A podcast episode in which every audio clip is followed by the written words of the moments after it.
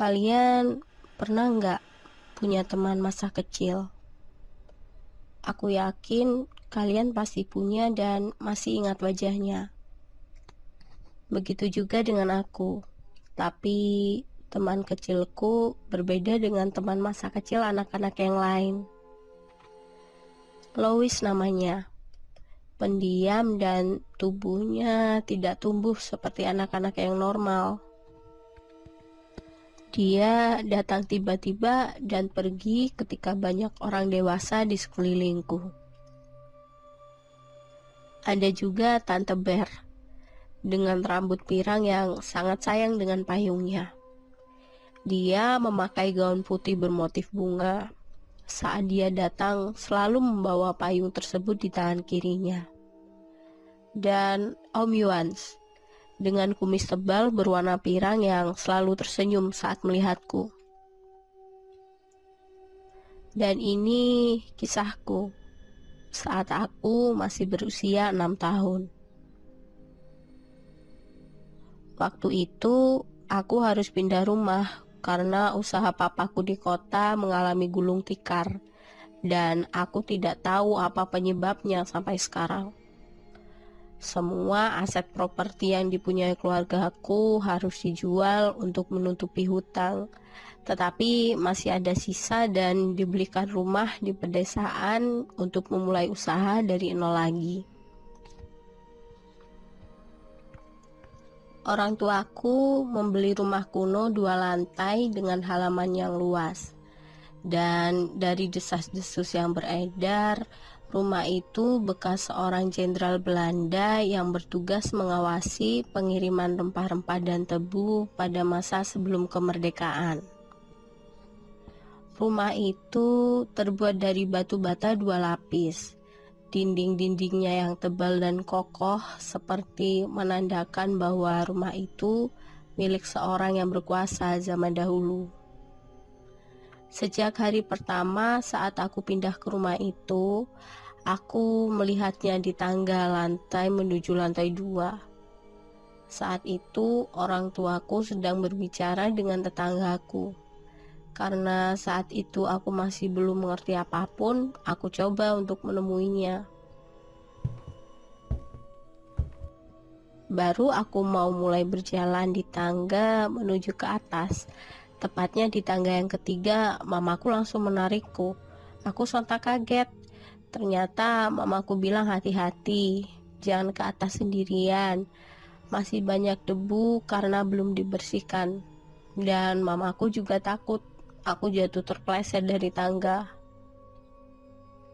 Aku sekilas masih melihat anak kecil itu, seolah mengajakku main petak umpat dengan sedikit-sedikit menampakkan wajahnya sambil malu-malu.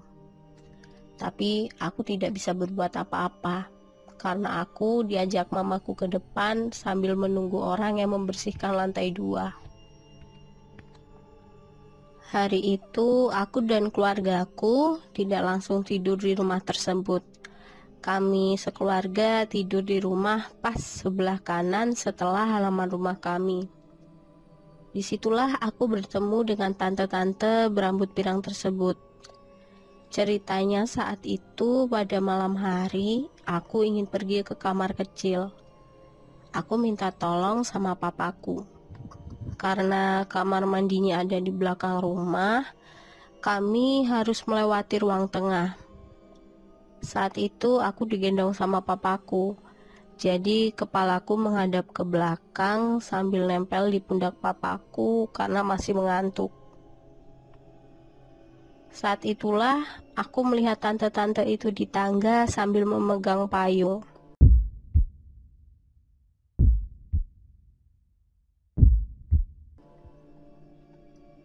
Bagian atasnya terlihat jelas karena sorot lampu dari atas. Tampak cantik dan anggun, tersenyum ramah kepadaku. Tapi bagian bawah gaunnya agak samar-samar. Terlihat seperti ada bekas noda yang menempel di bajunya. Setelah dari kamar mandi, aku bilang sama papaku kalau tadi tantenya masih bangun, lagi di tangga. Tapi papaku cuma bilang, "Iya." Keesokan paginya, saat aku bangun karena mencium bau masakan yang lezat, langsung aku lari menyusul orang tuaku yang sedang berbicara. Aku disuruh duduk sama mamaku di meja makan. Tepat di depanku ada foto-foto jadul asli peninggalan rumah tersebut. Aku melihat foto tante-tante cantik itu ada di salah satunya. Spontan aku bilang, itu tante yang aku lihat semalam. Tantenya nggak kelihatan ke mana ya? Apa masih tidur? Sontak mamaku dan istri yang punya rumah yang biasa aku panggil bude terdiam semua. Mereka memandangiku seolah aku melakukan kesalahan yang fatal. Lalu mereka melanjutkan pembicaraan seolah tidak terjadi apa pun. Tapi aku melihat raut muka mereka seperti ada yang berbeda. Setelah selesai makan pagi dan mandi, akhirnya aku bisa menikmati rumah dan kamar baruku. Hal pertama yang aku cari adalah kumpulan bonekaku. Aku menata mereka tepat di sekitar tempat tidurku. Karena hanya mereka teman mainku selain orang tuaku. Karena orang tuaku sedang sibuk bersih-bersih dan merapikan perabotan rumah, aku bermain sendiri. Di situlah datang seorang anak dari balik pintu. Anak itu yang aku lihat kemarin. Dia malu-malu mendatangiku. Aku panggil dia. Sini, ayo, main boneka sama aku. Ternyata dia juga memegang sebuah boneka tapi ada nodanya. Boneka yang dibawanya itu nampak sudah usang dengan kancing baju sebagai matanya dan dua buah kepang di rambutnya. Dia mendekat ke arahku, duduk di samping melihat aku bermain boneka.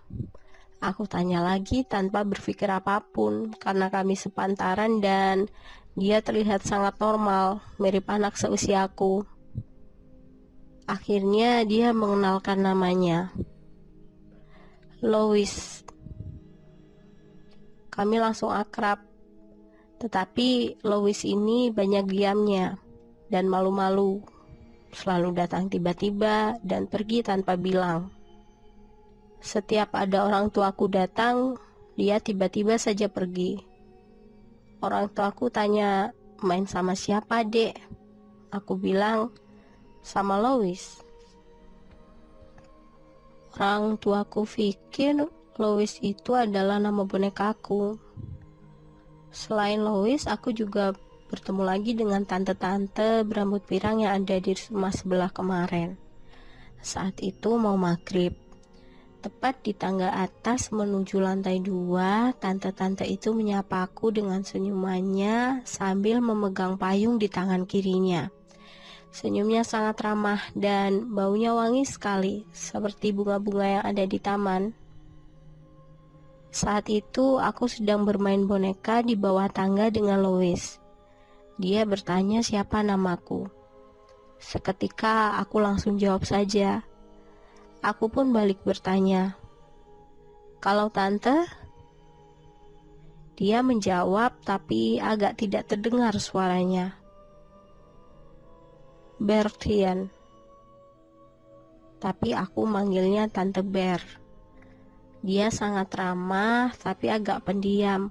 Kali ini dia terlihat jelas, memakai gaun putih mirip seperti baju Lois dengan corak bunga di roknya, tapi ada sedikit noda hitam di perutnya. Entah itu karena apa, aku pun tidak tahu. Kami sering bermain bersama, tapi setiap mamaku atau papaku datang, mereka sudah pergi. Jadi aku agak jengkel waktu itu karena tidak ada yang bantuin aku merapikan mainan dan sering dimarahin sama mamaku karena berantakan. Mainannya tersebar di mana-mana. Kadang aku sering bertanya saat bermain dengan Lois. Papamu kerja apa?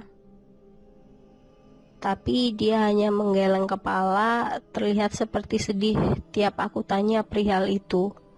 Kalau Tante Ber, dia hanya senang berdiri sambil memandangi kami bermain.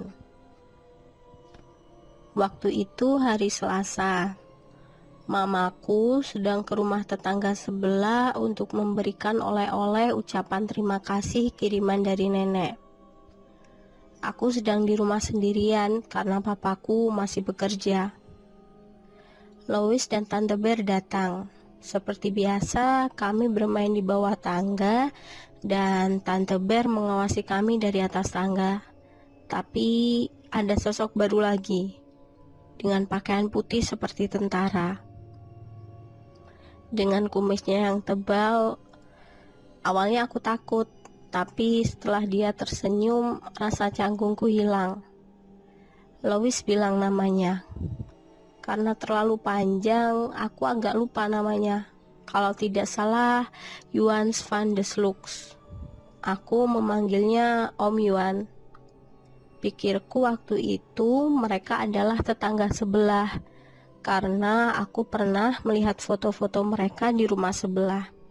Tapi seiring waktu aku mulai merasa aneh karena mereka bertiga selalu menghilang ketika papa atau mamaku tiba. Waktu itu aku terkena demam tinggi, jadinya tidak bisa bermain dan hanya berbaring di kamarku. Aku setengah tertidur, tapi pikiranku masih sadar dan masih bisa melihat di sekitar. Saat mamaku keluar dari kamarku, aku melihat mereka datang. Om Yuans, Tante Bear, dan Louis. Mereka seperti sedih karena aku tidak bisa bermain dengan mereka. Kali ini mereka tampak jelas dan tidak samar-samar. Di baju putihnya Om Yuans terlihat seperti ada bekas dua noda hitam mirip seperti punya Tante Bear dan roknya Louis. Raut muka mereka terlihat sedih, mungkin karena kasihan denganku yang lagi sakit. Tiba-tiba terdengar suara langkah mamaku masuk ke kamar.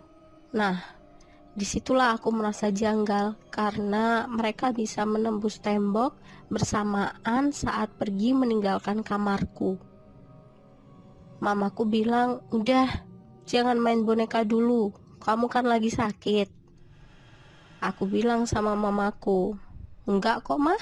Tadi Om Yuan, Tante Ber, dan Lois main ke sini. Dari situ juga mamaku bertanya, Bonek kamu yang mana namanya Yuan, Ber, dan Lois? Aku jawab, mereka bukan boneka mah, mereka itu temanku, rumahnya di sebelah. Aku sering kok main bareng, mereka baik, suka nemenin aku main. Mamaku tanya lagi, emang ciri-cirinya kayak apa? Aku bilang aja, Lois dan Tante Bear itu pakai gaun putih dengan motif bunga, dengan payung di tangan kirinya. Kalau Lois suka membawa boneka, dan kalau Om Yuan seperti tentara. Kumisnya tebal dengan topi bulat yang selalu dibawanya. Tiba-tiba mamaku terdiam.